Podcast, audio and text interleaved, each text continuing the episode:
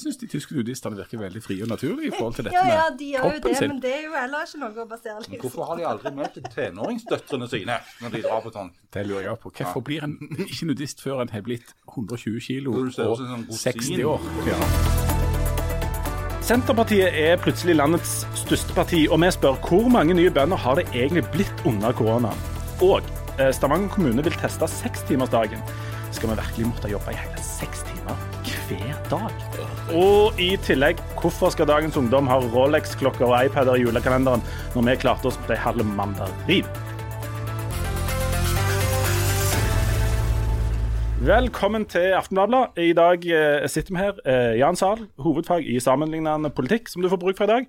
Journalist, kommentator og ifølge ryktene en av to intellektuelle fra Bryne. Spørsmålet er hvem er den andre? Det kunne jeg ha fortalt deg, men du måtte drept deg litt. Ok, Men du kjenner vedkommende? Det kan jeg ikke kommentere.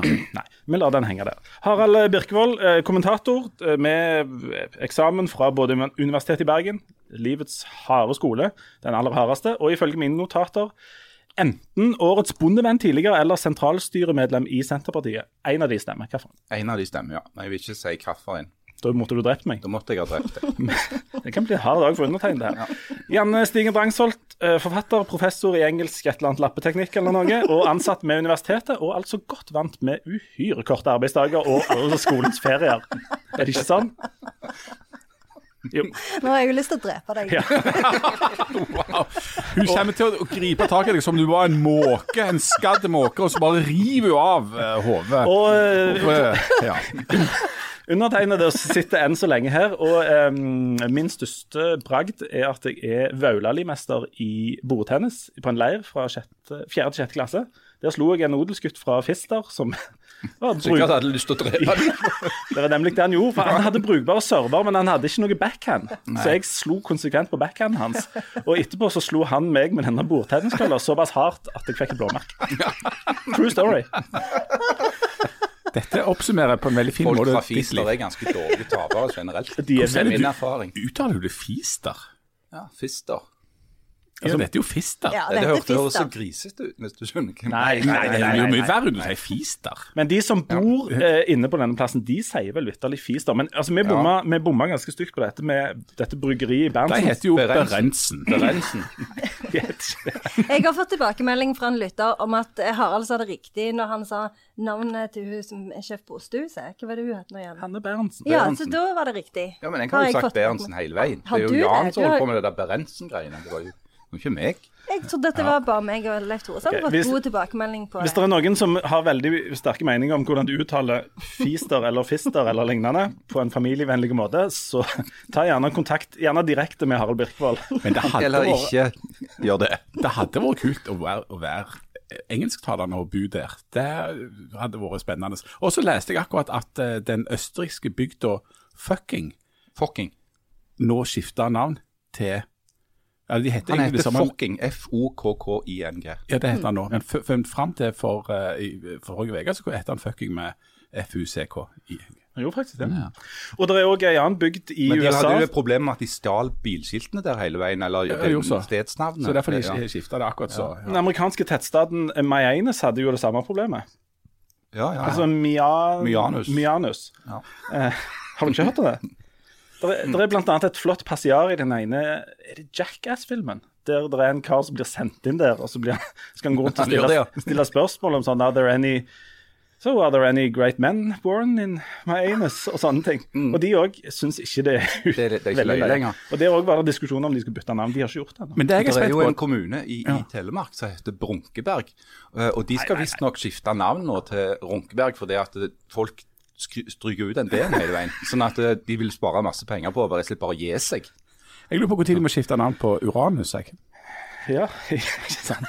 Det var egentlig ikke Var dette et emne, eller Nei, var det bare ja. en bonus? Det var ikke et forhånds, eh, forhåndsemne. Du, du sa du hadde fått en tilbakemelding. Jeg har fått en annen eh, på et annet stridsemne som jeg gjerne vil ta opp, og det er fra Håkon. Han skriver rett og slett Jeg hater når Harald leser dikt, og forstår ikke hva det bidrar med i en ellers svært god podkast. Takk for meg. Kan vi klappe? Altså, Men- Det halve bordet klapper, og halve Vi bordet er sitter med armene i kors. truer nå med å gå av. Eller drepe deg, egentlig. Jeg, sti, Altså, jeg stiller på det. at denne Håkon egentlig fins? Jeg kan vise altså, det var deg- jo bare noe du lot som du leste opp Jeg kan vise deg Twitter-meldingen etterpå. Men du tror ikke det fins. Men nå skal vi over til noe som virkelig fins. Midt på bordet her så står det en boks med melkehjerter. Yep. Under det eh, Ja, hvem skal få æren? Harald, vil du? Ja. Skal jeg Så ligger der et Gratulerer med de 100? Ja.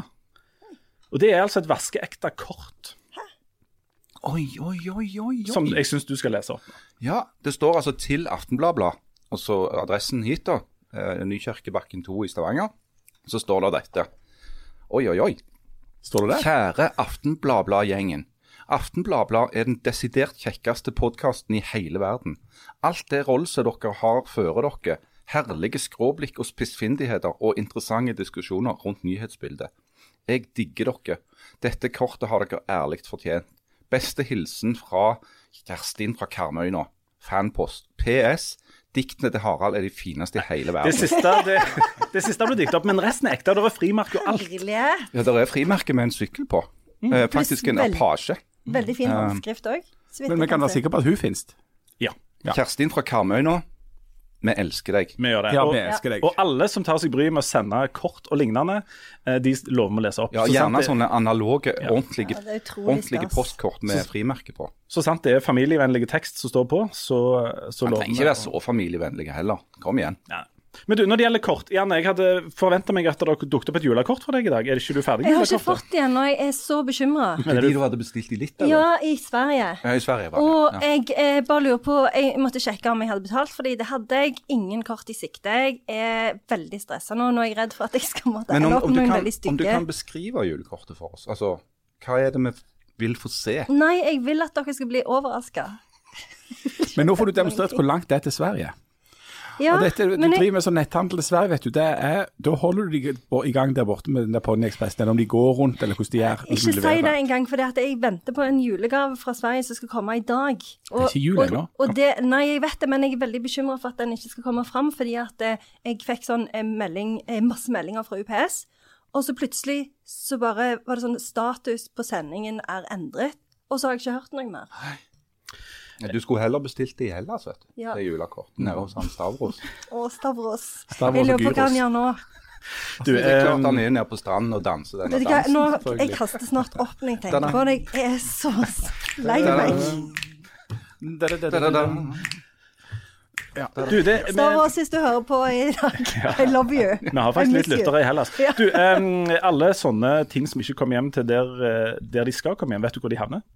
Meny slepeenden. Er det en slags bakevje for Jeg vet ikke, men de, alle de gangene jeg har fått meldinger fra sånn post og sånt, der eh, ting ikke har kommet hjem til meg, så står det at nå ligger de klar på Meny slepeenden. Hvor er slependen? Det er utenfor Oslo.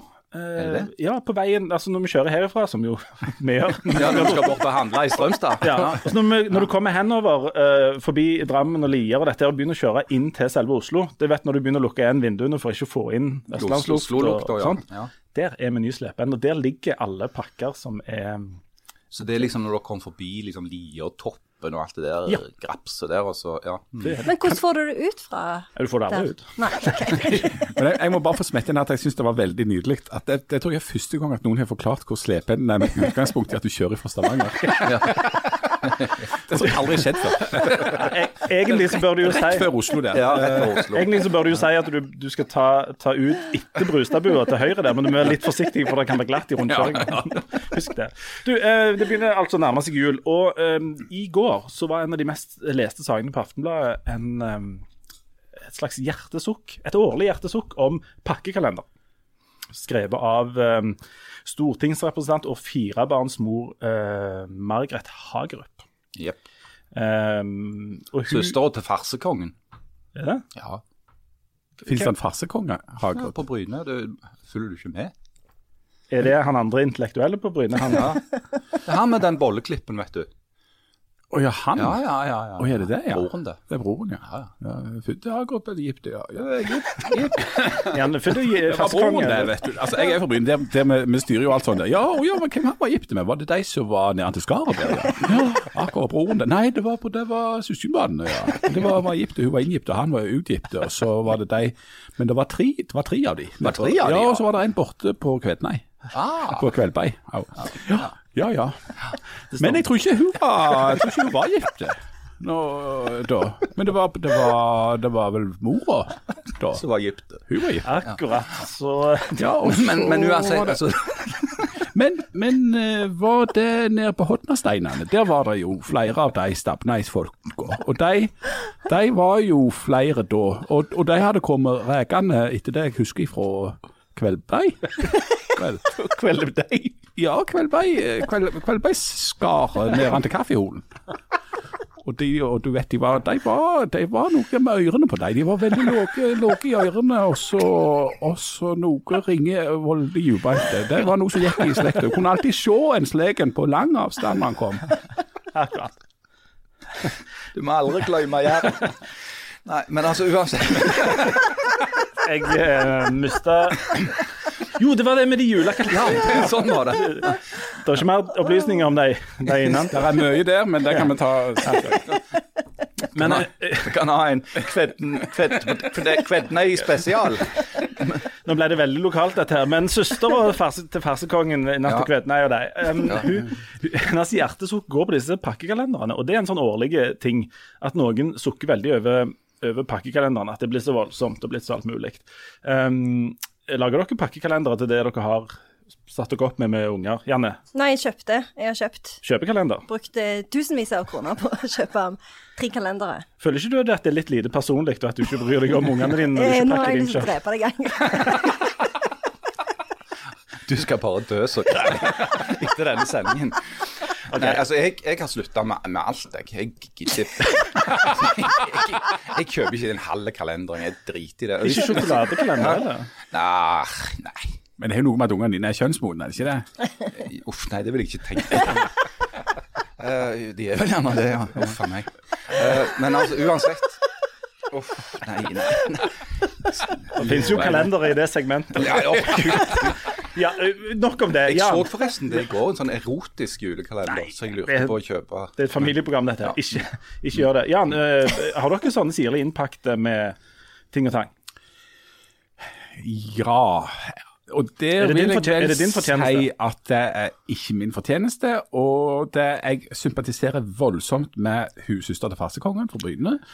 Eh, og det er jo med at jeg er voksen og sur, sikkert, eh, men jeg syns jo det er noe forbanna tull. Eh, ja, Jeg også. Altså, jeg, jeg synes, jeg, jeg, dette er jo noe med at jeg ikke er et barn lenger. Når jeg var barn, så husker jeg at jeg likte veldig godt å få gaver og sjokolade og så, altså sånne småting. Men det Fikk dere sjokolade? Fikk du sjokolade? Don't even, ja, jeg, jo, Alle, altså hver dag? ja, en sånn liten dings. Ja, dere var heldige. Vi fikk bare en liten sånn. sjokoladebed hver tredje dag med. Vi fikk en liten pose med singel som vi kunne sue på før vi gikk i steinbruddet klokka fem om morgenen før skolen begynte. Ja, singel er dere var heldige. Vi fikk bare et bilde av noe singel som vi slikte på, og det måtte vi dele med faktisk hele nabolaget. Så det På Bryne hadde vi ikke bilde. Der fikk vi bare en kort setning om noe singel og noe grus. Så er det hakt opp sjøl med sine egne barnehender når de var kjempesmå. Og så spart på gjennom fire generasjoner på Kveldbei, Som de så fortalte om videre. Og vi drømte om å få en setning hos oss. Men var, vi måtte faktisk levere inn en setning hver dag, og den måtte vi ned og stjele ifra, ifra en lokale bonde. Og han, eh, han kutta oss med, med noe glasskår. Så kom vi hjem, og så, og så måtte vi levere inn det blodet til familien. Og vi var, og vi var fornøyd med det. Å ja. Å ja, vi syntes det var stas. Men når du forteller det til ungene i dag, så Jeg, tror ikke, jeg kommer ikke til å tro det. Ikke i hele tatt. Nå skal de ha iPad. På Ja. 2. desember skal de ha iPad. Og... Men er ikke det, er ikke det der med pakkekalenderen-greiene egentlig ganske koselig, da? Nei. Altså, det, det er jo koselig. eh, Det er noe koselig vas, men, men jeg begynner å bli mer og mer skeptisk til gaver òg på julaften, egentlig. Eh, For det er jo å drive og gi folk eh, en masse ting de ikke trenger. At, at, at ungene skal venne seg til at de skal først ha fått 24 gaver i løpet av, av den perioden her. Og så skal vi på julaften så skal de få 24 gaver til. Det er jo bare rør og vas, egentlig, altså. Eh, eh, I de, nå skal vi ikke begynne der igjen, men når jeg var liten, så, fikk, så var det jo Nei, det, det, var, det var av og til på lørdagen så var det en sånn sjokolade, men så kunne det jo være eksempel en stillongs eller noe. Sokker, stillongs med drøm. tenkte. Altså, med drøm om å få stillongs. Meg og broren min hadde en stillongs, men vi måtte dele den. Så jeg hadde det ene beinet, og han hadde det andre beinet. Så vi, og vi var fornøyd med det. Vi fikk bare ei overkjørte sau, og så måtte vi flå han sjøl. Sau. Åh. Åh, jeg føler Dette går Det kjempebra. verste var de der stillongsene som var lagd av pinnsvin. Pinnsvin? Oh. Nei. Nei, men, men, men, men, altså Mareritt, og jeg vet ikke om dere har lagd kalender noen gang. Det har dere kanskje, men jeg har hatt eneansvaret for kalender i mange år for tre barn, og alle tre vil ha sine egne ting. Det er jo eh, hvis du skal, Da må du jo egentlig gå ned i stillingsprosent, selv om du jobber i staten. Hvordan Men, men hvorfor, denne hvorfor, hvorfor eh, gjør dere dette? Nei, jeg eh, har jo kjøpt kalender, men eh, det er jo på, det er jo på grunn av denne du og de andre. Ikke sant, den boka, ja. Ja, for det er jo det som er interessant. For, for jeg, jeg vil jo sagt at jeg sier hvert år så sier jeg til huset og lagerkalenderne hos oss at ikke legg dette på deg. Altså, hvorfor- dette er jo bare noe du egentlig har funnet på sjøl, liksom lagd ris til egen ræv. Og det er nok ikke helt sant, da. For det, at, eh, det er jo et problem, og det er det hun har gruppa òg innom, at når alle andre får sånn en Ja, kalender, er så kommer ungene hjem, sant, står der og Ja, ja, for det er jo nettopp det. Du har jo ikke lyst til at, det skal være, at de skal være den eneste i klassen som ikke har kalender. Eh, og, og det er jo eh, men, men det er jo et krav å få til. Og så er det jo sånn at det, liksom, det er jo kanskje gøy fram til 8. desember, men etter det så er det jo ingen som gidder å åpne de der kalenderne. Og da ble jo den som har kjøpt inn kalendergavene ganske aggressiv og sur. Eh, og det varer jo til langt ut i februar. Så det at Har, eh, har du hørt om dette, eller har du Jeg har Jeg hørt pleide å si tungene ungene når de spurte, da var de litt mindre og litt mer godtroende, at vi var Jehovas vitner. Så at vi hadde ikke sånn kalender. Nei. Men det verste, syns jeg, det er disse her eh, jule... Altså når du skal liksom I tilfelle at du har jo dårlig samvittighet eh, på grunn av eh, klima og alt sånn, så du har jo ikke lyst til Så du må jo finne noe som ikke er liksom det verste plastic fantastic, eh, men også helst så skal det jo være eh, Fair trade. Fair trade, og så oppgaver. Noe kjekt som du gjør sammen. Eh, og da er det jo liksom, og da er det sånn at du hører liksom gjerne folk eh, komme med forslag sånn at du skal rydde i garderobeskapet sammen og sånn. Og det vet jeg ikke hva med deres barn, om de syns det er gøy, men mine barn hadde drept meg. Hvis Det, for det, er segment, det er litt sånn i samme segmentet som å gi ungene ei sånn geit i Etiopia til jul. Ja, Det, er ja. en, det er for så vidt en god tanke, men det fungerer Nei, det fungerer veldig, veldig dårlig. dårlig. Og så er det jo det, til og med med de eh, aktivitetene som er gøye, så glemmer du jo av at du har gitt de en aktivitet den dagen. Så når de åpner det den 7. desember, og det er et år som ikke er korona, hvor du har liksom 1000 andre aktiviteter òg som skal skje den dagen I år skal vi på teater! Ja, tenk Så må, deg du, må de bli med og se den der eh, King Lear eller et eller annet. Ja. Ja. sånn. Og så Det er det kø siste de til vil ha, er jo kvalitetstid med deg. Ja. De vil jo sitte oppe på rommet og, og, og spille. Og det, dette, dette kan være et veldig sånn, konkret eh, tips til de som trenger Det er gjerne litt seint i år, men neste år. Hvis du har unger som er eldre enn i hvert fall eldre enn barneskolen, så gir de, eh, pakk inn en lapp hver dag der du skriver du trenger ikke være med oss i dag heller. Den største gaven en kan få. Ja, Det er å slippe å være med foreldrene. Og de som er yngre, de kan få uh, fri skjermtid hele dagen.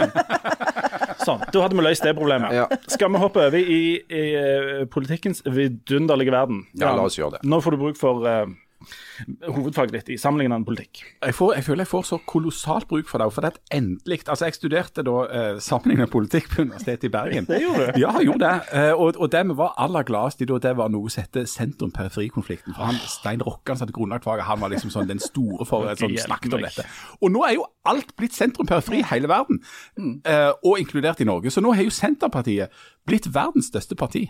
I Norge. Eller, I Norge, iallfall. Ja. Eller, men Dette, dette altså en på, én meningsmåling. På en meningsmåling, ja, riktignok. Jo, vi, må ikke, vi må holde oss til noen ytterst få utvalgte fakta her. Eh, for å ta det, da. altså TV 2, Dette er en måling som er gjort for TV 2.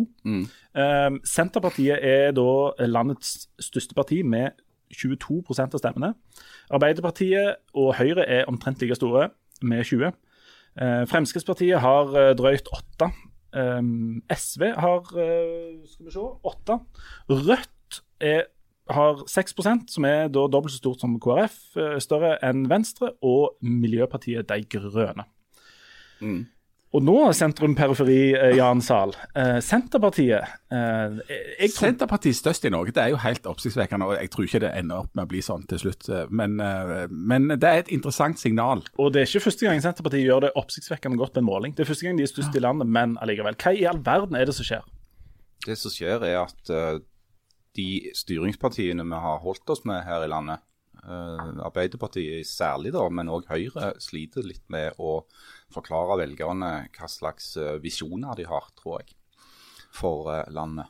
Eh, Høyre er veldig opptatt av å styre, og har nå i årevis eh, da måtte gjøre en haug med kompromisser og snakke mindre om egen politikk og mer om å liksom holde et samla flertall på Stortinget.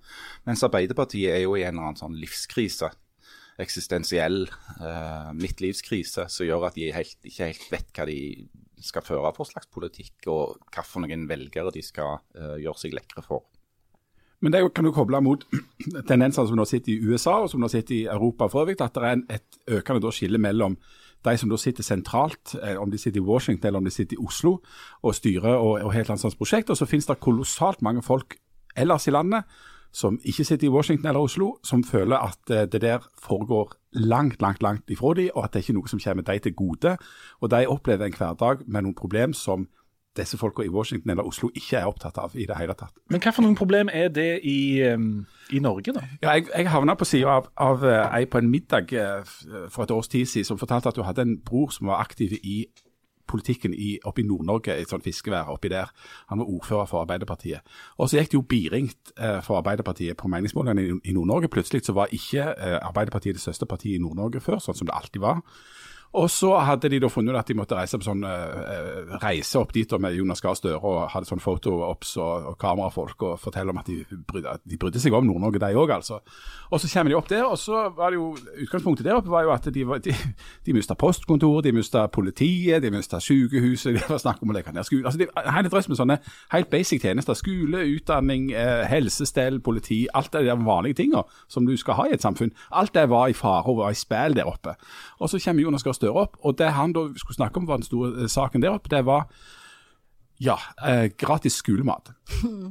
Og Det er ikke å svare på det som er problemet. Altså, og, det, og det er der Trygve Slagsvold Vedum har klart, virker det som, å ta opp i seg den der misnøyen og den der reaksjonen mot en drøss med sånne reformer og forbedringer da av staten sitt ifra, ifra Oslo, eller fra et sånn makroperspektiv. Eh, mens det folk opplever på bakken, er at dette er overstyring. Eh, det er en fjernhet, eh, og det skaper, en, det skaper en slags følelse av utenforskap og frustrasjon. og Den har han der Slagsmål Vedum når han går rundt og lærer og lærer og aldri svarer på spørsmål, men bare sier de samme setningene hele tida, som er ekstremt provoserende, egentlig. Hvis du spør noen om noe, så må de svare på det, da.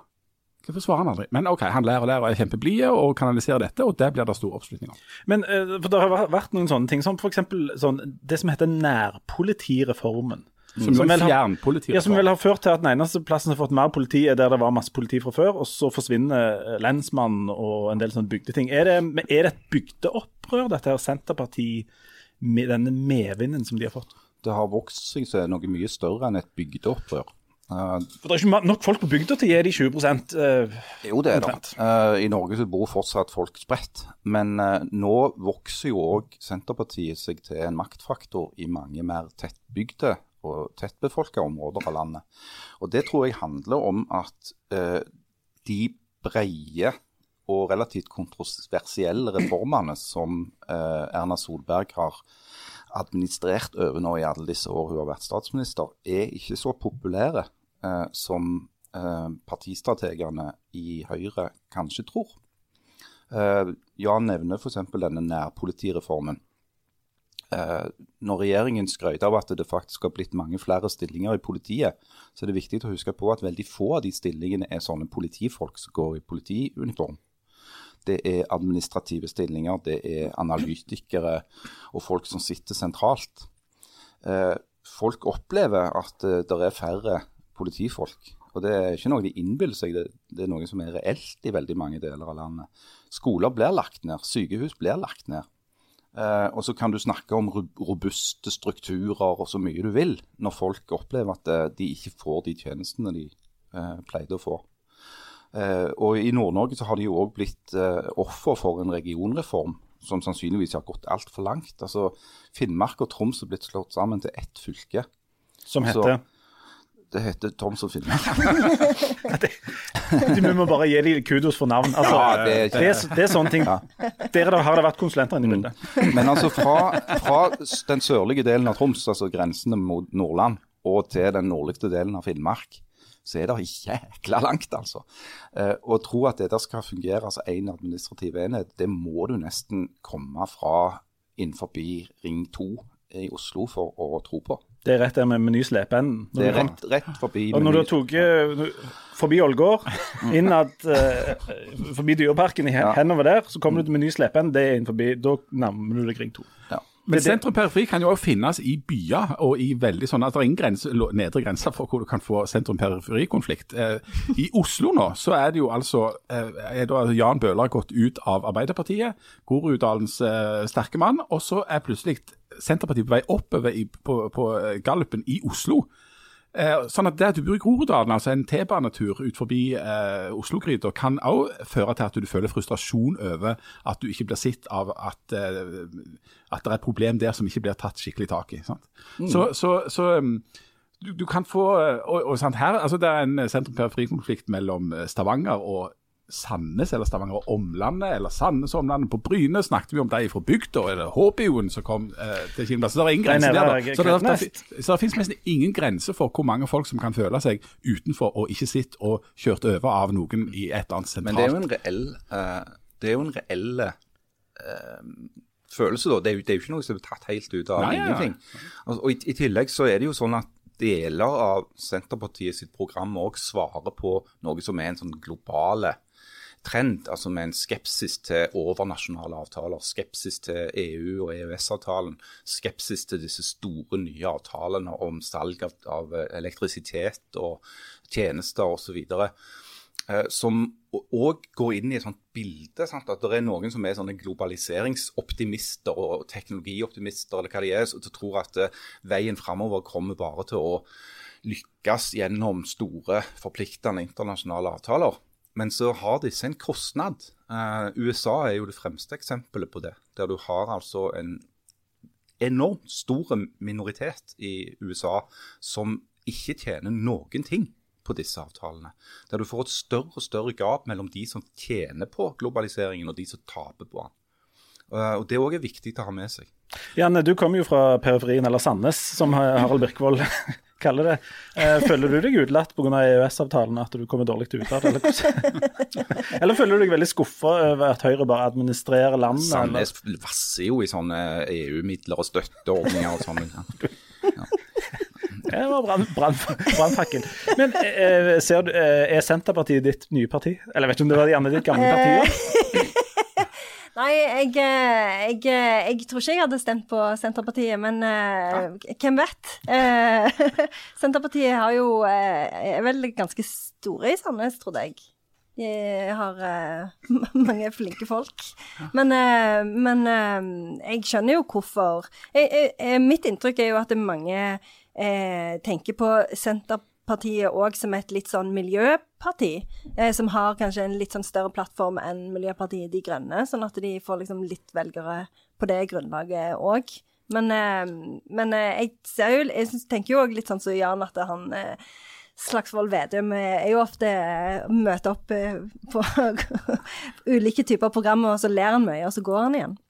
Ja, for det, men for har de noen løsninger som er realistiske? For det kan av og til virke som om det er litt sånn, de er mot at tida går, de er mot utvikling, de er mot reformer, de er mot en hel drøss med bare sånne ting. Og så har de lagt fram et alternativt budsjett nå som vel enstemmig av alle som, som analyserer det, ser, viser at De er jo egentlig sånn som deg og meg. De mener at alt var bedre før. Ja. Og så hiver de masse penger. Eh, Ja, sånn at Det skal ikke være reform, ting til ting Nei, skal være altså, sånn som det var før, eller ja, et eller annet. Er det sånn drømming tilbake til noe? Jeg er helt enig med deg i at uh, hvis det er noe som uh, Senterpartiet, og særlig lederen i Senterpartiet, må bli flinkere til, det er jo å forklare folk hva han kan tenke seg å gjøre, istedenfor bare å kritisere alle andre. Og læ. Ja, ja, men altså, han har jo en veldig smittende latter, da. Eh, Men han, har- altså, de ligger de, de, Nå får de da 20 på målingene. Og det er et resultat av å ikke svare på spørsmål. og Det virker jo som dette her er en aldeles strålende måte å bygge et parti på. Men som menigkvinne så tenker jeg jo For dette, de ble jo ofte presentert Sånn som f.eks. på Dagsnytt 18 så var det jo ofte sånn at en inviterte Frp-politikere før for å være sånn motstemmer, men nå er det jo like ofte folk fra Senterpartiet som kommer inn som sånne motstemmer, og så gjør de sånn som Harald sier, at de er bare mot masse ting. Og det liker jo folk. Folk liker jo eh, politikere som er mot ting. ja, det var jo en viktig ting, grunn til at Frp eh, måtte ut av regjering. Det var jo at eh, de så jo det. Senterpartiet var I og med at eh, Frp var i regjering, nå er støtteparti for regjeringen, så kan de jo ikke ha særlig mye pondus som sånn sint parti på, på fløyen. Eh, og den, det vakuumet som da oppsto, har jo Senterpartiet til dels fylt. Eh, eh, Rødt òg. Men det er interessant å se at, at Fremskrittspartiet da ikke har tjent mer på å gå ut og være den der sinte som står på utsida og De er jo fortsatt budsjettpartner, vet du. Og så trenger vel folk Men vi har vel egentlig bare behov for ett parti som de som er bare imot alle de andre, kan stemme på. Er det ikke sånn? Um, omtrent. Det Men, altså, men, det er jo lettere, å få- oppslutning når du står ut forbi og er imot. Sant? Sånn at den, den store testen blir jo eh, altså Alle eh, prognoser og meningsmålinger, eh, flere enn bare den fra TV 2, har vel vist den siste tida at det går mot et regjeringsskifte eh, neste år. Men det er ikke takket være Arbeiderpartiet her. Nei, det er jo takket være at Venstre og KrF gjør det så himla dårlig at de borgerlige er ute der. Og så at eh, SV har gjort det godt og RV har gjort det godt, men framfor alt da Senterpartiet, eh, som da veier opp for at Arbeiderpartiet gjør det så himla dårlig. Og Senterpartiet vil jo egentlig bare regjere med Arbeiderpartiet. De vil jo ikke ha med Rødt og SV Rødt og. SV. Ja. Men og og så har vel eh, Men ja, Poenget er, da blir det noe annet. Da kan du ikke bare stå der og le og, og, og snakke om noe annet. Eh, den store testen, Det er lett å være mot ting, men det kompliserte er jo å styre. Det kompliserte er å ta ansvar. Det kompliserte er å lage budsjett som ikke er bare sånn fantasi og, og, og, og, og ø- regneøvelser, men at du faktisk skal sette dette ut i, i livet. faktisk. Da blir det jo et, eh, da pleier folk å gå litt nedover på gallupen etter hvert. Det er akkurat sånn som Tolkien sier om det å skrive en roman, at det er veldig lett å skrive om kjipe ting, mens gode ting det er nesten helt umulig å skrive en Kan ikke skrive countrysanger om, om lykkelig, lykkelig kjærleik osv. Uh, Miljøpartiet De Grønne har eh, erklært seg som en slags venstreparti òg nå, har de ikke det? Jo, eller ja, de har tatt en prinsipiell beslutning om at de vil eh, søke samarbeid med venstresida. Og det, mm. det gjør, gjør det vel enda mer sannsynlig at det kan bli et skifte ved neste valg? Ja, det spørs jo hvordan det går da med de, om de plasserer seg over eller under denne sperregrensa. Men jeg tipper jo at når det kommer til stykket, så havner de et godt stykke over sperregrensa MDG. Og så har vi den store X-faktoren både for dette og for uh, Harald Birkevold sine lår, nemlig partiet Sentrum. Ja, det var akkurat det jeg hadde tenkt å si noe om. For det, at det, det som jo er en reell fare her, det er jo at folk blander sammen sentrum og Senterpartiet.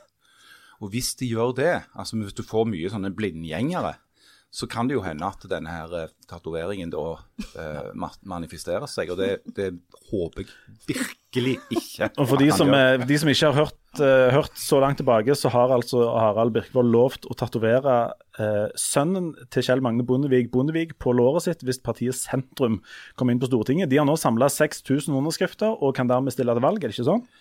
Jo, Ja, og så leste jeg vel en dag her at sønnen til sønnen til Kjell Magne Bondevik, Bondevik, Bondevik, nå blir leder for Unge Sentrum. Unge Sentrum, som er noe helt annet enn Senterungdommen. ja.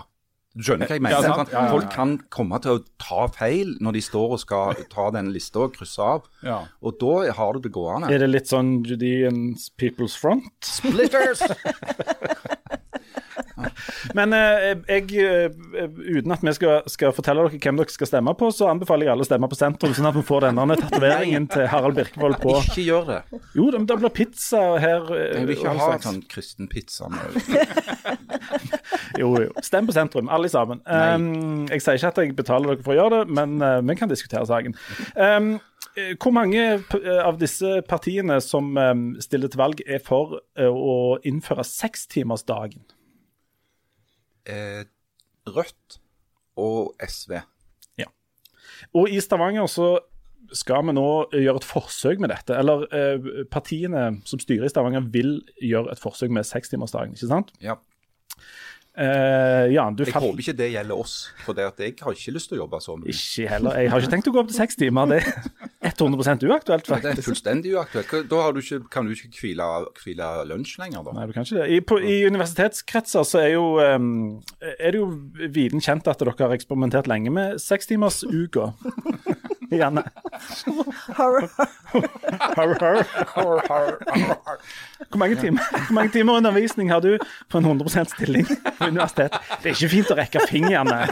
Du har sittet i menighetsrådet og alt. Det, det syns jeg ikke var fint. Det syns jeg var over streken. faktisk. Janne, vi tar oss og dreper han Ja. etterpå. Skal vi Men- gjøre det? Ja. Men når du stiller opp på universitetet sånn i hvert på åtte-draget, må du vente til kvart over fire før du kan reise hjem? nå? Svar på spørsmålet. Ikke ta noe sånn Vedum og bare le. Ja, det blir sånn hadde sagt om Vedum nå. Jeg bare ler. Hvorfor, hvorfor er det alltid jeg som må forsvare jobben sektor. Hvorfor, Ja, alle vet jo at vi som jobber som journalister, ikke jobber. Så det er Derfor så skal du her, være her som representant for folk flest. Du representerer en slags Eller i alle fall professorer flest. da. Ja. Nei, eh, å, jeg vet ikke hva jeg skal si engang. Eh, Det, eh, det, du disse metaforene undersøker ikke seg sjøl, de, for å si det de, sånn. de gjør ikke det. Nei. I Aftenbladet så hadde vi faktisk, ble det servert kake en gang når Harald hadde jobbet seks timer i løpet av uka. Så det er ikke så mye Ja. bedre her. Da var det, du fikk vi sånn suksesskake.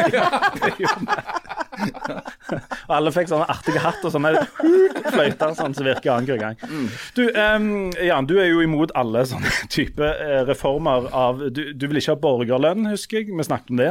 Eh, du, jeg, jeg tipper at du er skeptisk til sekstimersdagen. Ja, jeg, jeg kan eh, betrygge deg med at jeg, dette har jeg mest ikke tenkt Jeg har ikke tenkt over det i det hele tatt og ikke satt meg inn i saken. Og jeg syns det virker som en kjempedårlig idé. Men, Altså- men er det ikke noe sånn at hvis du Jeg syns at jeg har lest en gang at Ja. hvis, du skal, hvis du skal ha et samfunn hvor alle jobber seks timer, så går det ikke rundt. Altså, Stemmer ikke det? Har det ikke blitt gjort undersøkelser på dette? Det er vel det som er den store bekymringen, at, eh, at dette høres ut som en veldig god idé hvis, vi, hvis bare verden hadde vært full av masse penger som vi kunne brukt til enhver tid. Eh, um, Er det ikke omtrent sånn, Harald? Nei, jeg er ikke sikker. Jeg, for det at når det gjelder sånne undersøkelser, altså det, det som handler om økonomi altså Når du spør noen, en eller annen økonom, er dette en bra eller dårlig idé, så er mitt inntrykk etter, etter mange års eh, forskning at eh, økonomer er politiske. Sånn at det kommer an på hvilken økonom du spør. Eh, Ergo så er det ikke sånn at du går til en økonom med et spørsmål er som å gå til en, til en si, matematiker som sier at jo, sånn er det med to streker under. Dette handler om hva du tror og hva modeller du bruker og sånn.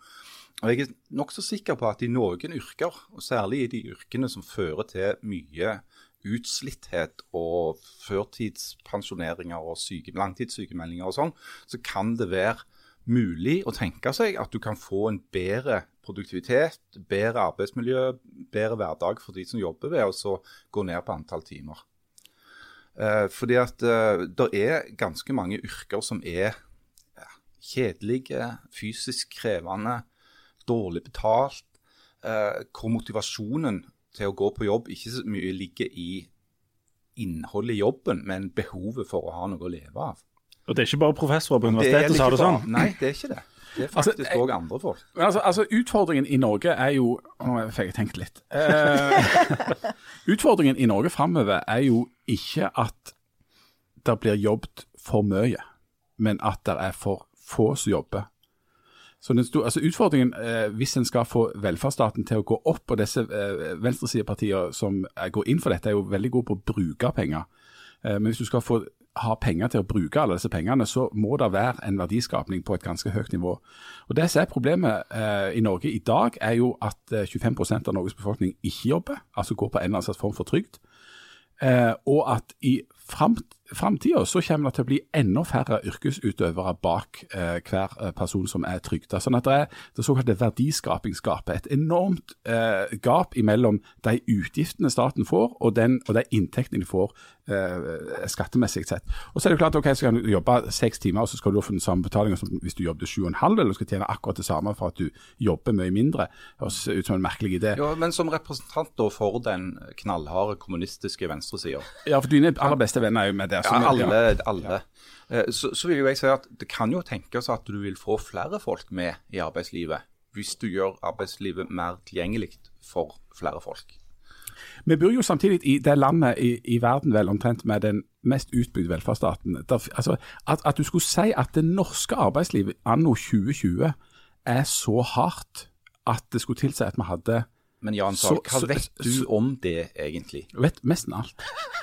Hvis du vil bare begynne i den. Nei, men- nei, men altså, i, i, historisk sett, vi, vi bor i, i et, et helt spektakulært velferdssamfunn. Eh, eh, og, og, og det som er den store eh, gevinsten til Norge, det som gjør at Norge går såpass godt, det er jo ikke bare liksom, det er ikke olje, men det er at det er en, en veldig sånn, effektivitet i arbeidslivet. Altså Folk er veldig produktive.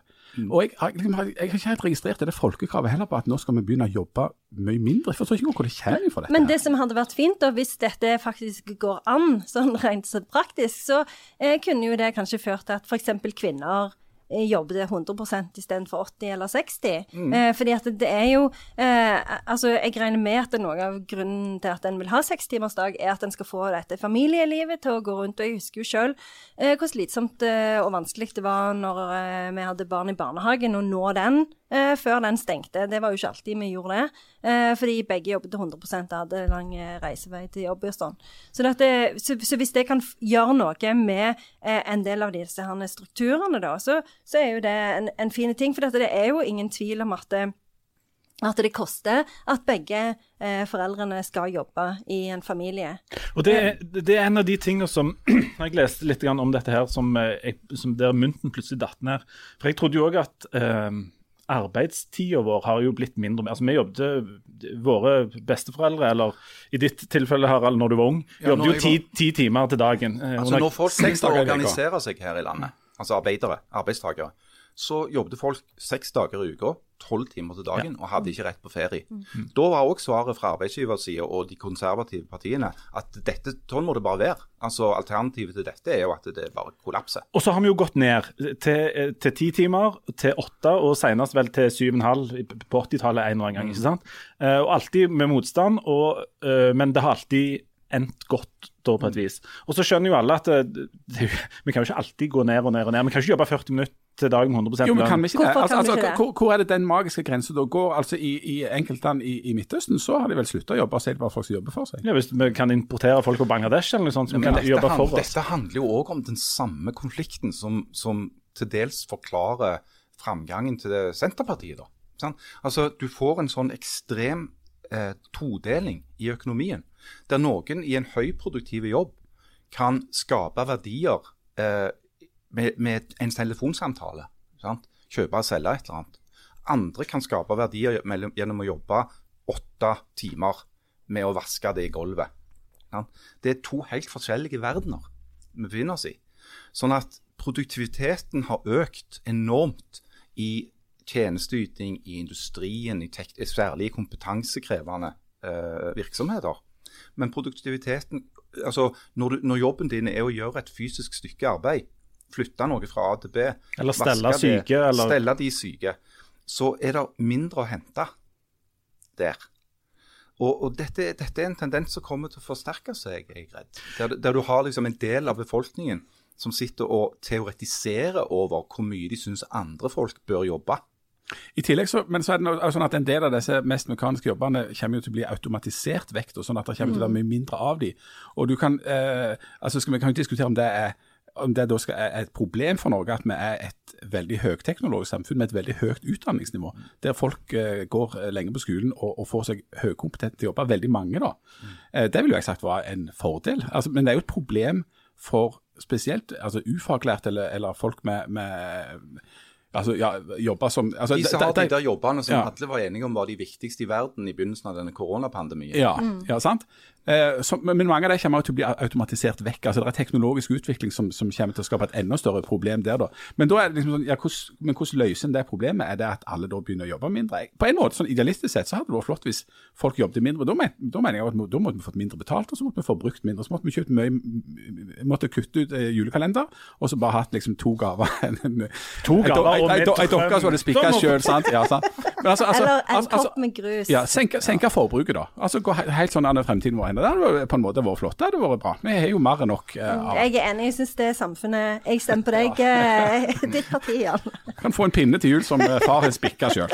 Jeg er litt mer egentlig ja, ideologisk sånn sett, så er jeg jo mer på den der arbeidslinja sjøl, da. Uh, men jeg ser at den er Er du villig til å ta deg arbeid? Er det det? Nei, det, altså jeg, jeg, vi må ikke la det bli personlig. Eh, jeg, jeg bare teoretiserer over hva jeg syns andre skal gjøre. Akkurat. Men, men, men det er jo et dilemma, for det at alle kan jo ikke eh, ta mastergrad. Og det, og, og det er en masse jobber som, som finnes som, som vil måtte utføres, som ikke krever mastergrad i hverken filosofi eller engelsk, hva enn er du er professor i, gjerne. Så, så, så det, det, det er noen store dilemmaer og noen interessante diskusjoner i dette her. Eh, jeg ser den, altså. Og så sånn Familiemessig så er det jo også sånn at selv om folk jobbet mye lengre dager før, så er jo den samla tida eh, en familie bruker på arbeid, er jo ikke nødvendigvis blitt så mye mindre nå, fordi at vi jobber begge. Altså Hvis far tidligere jobbet 12 timer, så jobber gjerne mor og far nå 15 timer. Ja, og så er det jo sånn at det en på en måte har altså Selv om en har gjort enormt mange reformer i Norge, og, og, og, og er at vi er et av de mest likestilte landene i hele verden, så er det fremdeles noe som er problematisk med strukturen, som, som sannsynligvis ikke har på en måte Altså, vi, vi er jo ikke ferdige med å omstrukturere for å gjøre det mulig for at det skal være sånn, uten at eh, en har eh, masse sykemeldinger blant kvinner i løpet av et år. Jeg Jeg- jeg- jeg mener- med deg at det er kjempeviktig for eksempel å få flere kvinner inn i heltidsjobber. Det handler òg om at da vil flere kvinner bli mindre sårbare for samlivsbrudd og ha kontroll på sin egen økonomi. Det er bra for alt. Skatteinntektene øker. Sykefraværet går ned, viser det seg, når folk har fast jobb. Eh, sånn at er, Hvis, hvis sekstimersdag for enkelte yrkesgrupper kan være et virkemiddel for å få opp yrkesdeltakelsen, få ned sykefraværet og gjøre folk lykkeligere, så syns jeg det er verdt å sjekke ut. Jeg tror det, det hadde vært enormt kult hvis vi kunne blitt så likestilt i Norge at vi også kunne ha en mannlig statsminister. Ja, det syns Det jeg det helt jeg mener, Tenk jeg, Det kommer vi jo garantert til å få. Ja. Ja, i hvert fall i løpet av en tiårsperiode. eh, Meningsmålingene Det er altså mannlig statsminister og sekstimersdag. Og så så det sitter folk og tvinner tommeltotter. eller han, eh, han med latteren. han De slags tvinner jo ikke tommeltotter, de spikker jo pinner. De spikker pinner som folk skal få til jul i kalenderen sin, og alle barn kommer til å klappe i det de har av små hender etter at de har hatt kniv lenge. Hva var det de snakket om nå? Jeg? Jeg fikk ikke med meg starten, der, men jeg fikk bare med meg at de hadde skjærta seg i hendene. Så jeg tror det må være de nærmere til kvin- Jeg har gått til valg på det. Det hadde de gått valg på. Du, um, men men da, da, da sier vi at det, kan være verdt å eksperimentere med dette med sekstimersdag. men- Nei. Jo, Jo, jo. Ja, OK. 2,5 mot 1,3. Ja, vi er jo veldig lave, hun kan ikke Er det jeg som er den halve? Nei, jeg er den halve. Okay. For han er alltid sånn i tvil. Han er veldig Jeg er en slags sentrum i det. Ja. Men hvis du er, du, ja, du er en slags parentes, og hun er kjempeliten, så Ja. er det jo egentlig dere er maks én. OK, 1-1, da. Men jeg er større enn deg. Jo, men, det, du, du, det, er jo ikke, det er ikke noe automatikk i at kvinner har røysterett i, i sånne viktige spørsmål. Det er Så, sant. ja. Nei, det Det er er jo sånn sant. Historisk Touché. sett så er jo det en moderne oppfinnelse. Men uh, i den grad det skal innføres sekstimersdag, så vil vi bare ha reservasjonsrett for journalister og uh, professorer, for vi nekter å gå opp til sekstimersdag. Det, Ja, det er det blir faktisk det kan vi eh, bare rett og slett bare vedta her og nå. Ja, ja, ja. Så ikke, ikke prøv dere på Men for de andre Ja, de andre. De andre kan godt holde på med det. eller mindre. Eller noe sånt. Men, det, men det er seks timer i uka vi snakker om, sant? Jeg håper det. Ja. Jeg håper det. Jeg syns seks timer daglig høres ut som et vanvittig kjør. Kan, ikke- kan ikke være med på det. Du får knapt tid til lunsj, da. Ja, og, og sånne folk som Harald får jo ikke tid til å bli edru, på en måte. Til de må ut på et eller annet Nei, det er et vanvittig. helsike. Ja. Ja. Må grave grøft en plass borti Veida. Nei, da har du det gående. Nei, nei, All right. Du, eh, vi må, vi må begynne å, å runde av. Um, jeg har lovt eh, et par lyttere her at dette med dikt kan jo ikke vare evig, vet du. Skal jeg ikke få anbefale noe først? Jo, du skal få anbefale noe, men dette med dikt kan eh, det, På et eller annet tidspunkt så må vi Men sette kan vi ha det i dag, i hvert fall? Jeg har jo funnet et dikt i dag. Har du, det finner du jo hver gang. Det er jo ikke noe nytt. jeg òg kan et dikt. Harald har kjempelyst til å lese det. sånn tar han. Det vet jeg jo ikke ennå, for jeg har jo ikke sett Det det. er bare fire linjer. Det er et utdrag Å, ja. fra et dikt. Om vi, om vi en gang kan lese det der De drepte våre gårder, de Nei. brente våre menn. De drepte ikke gårdene. De brente de. Ah, ja. Jeg trodde det, Du kan ikke drepe en gård, eh, Tore. Jo, hvis, det, er- hvis du ser på det som en slags politisk analyse, med at Høyre har drept alle gårdene, og så har de Sentrum Det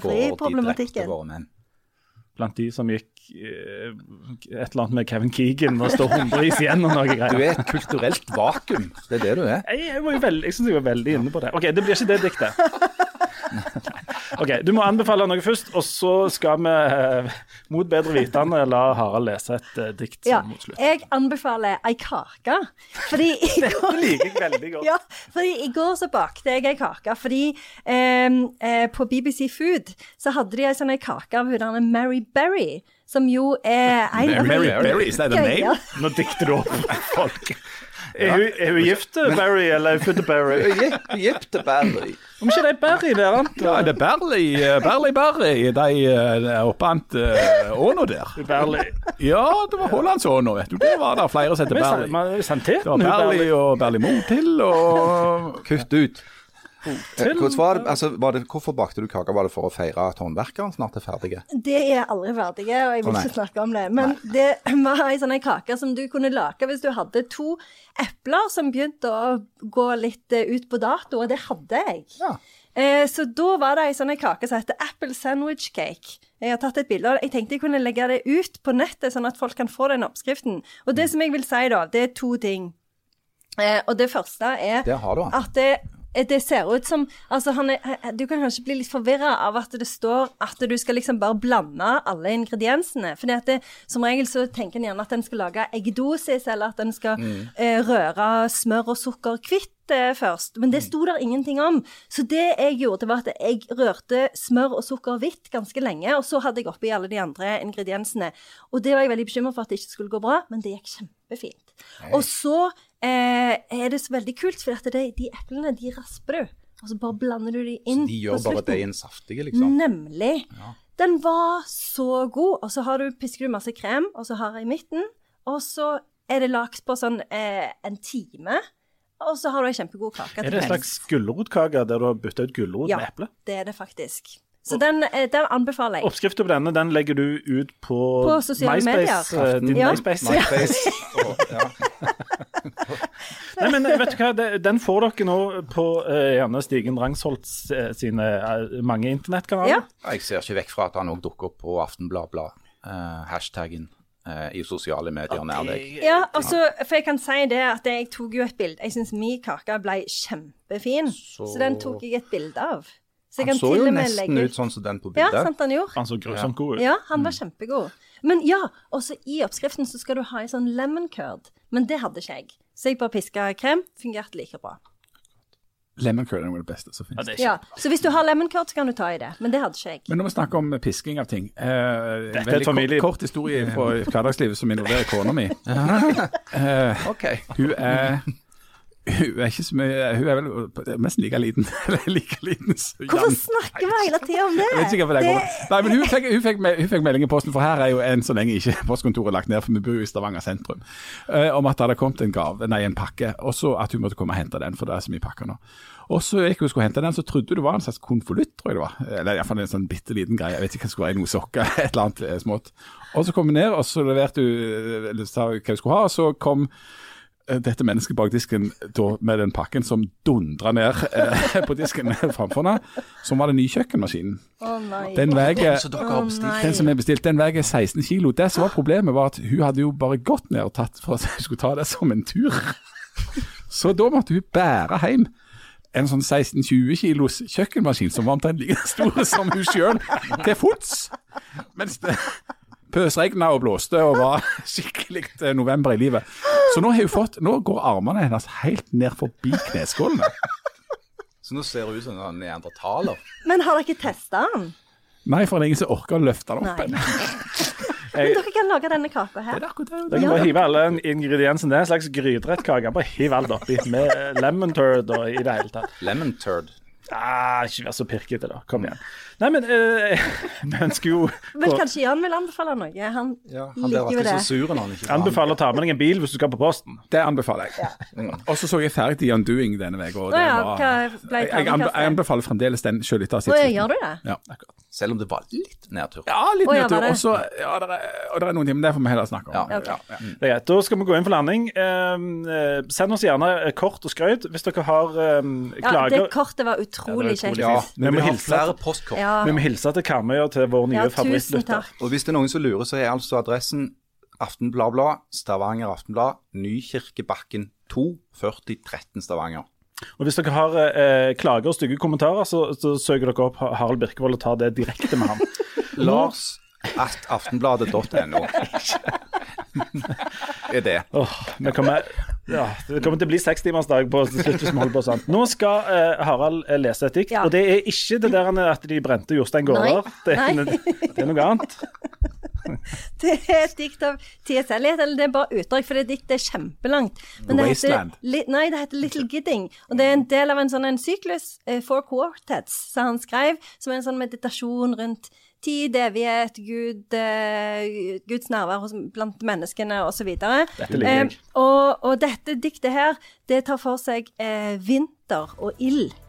Så, så jeg har funnet fire linjer, som er de. eh, som jeg tenkte at du kunne lese, Harald.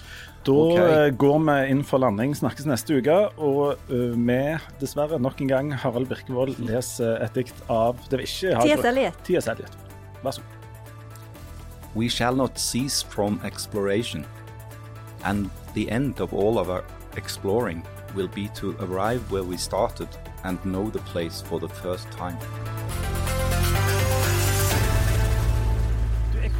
Det der, med- det der med at de drepte de gårdene og det, er ikke det noe Hagerup? Er det de Hagerup med til Bryne, det? Ja, det har jo Det broren. jo bror til, til farsekongen. Ja, farsekongen. Det var tanta, Ja, jeg tror det var men hun var ikke gift da. Ja, du vet, hun putla mye med sånn håndarbeid, og så skrev hun ned noe, så var det Men sett er akkurat sånn Tobias. Men-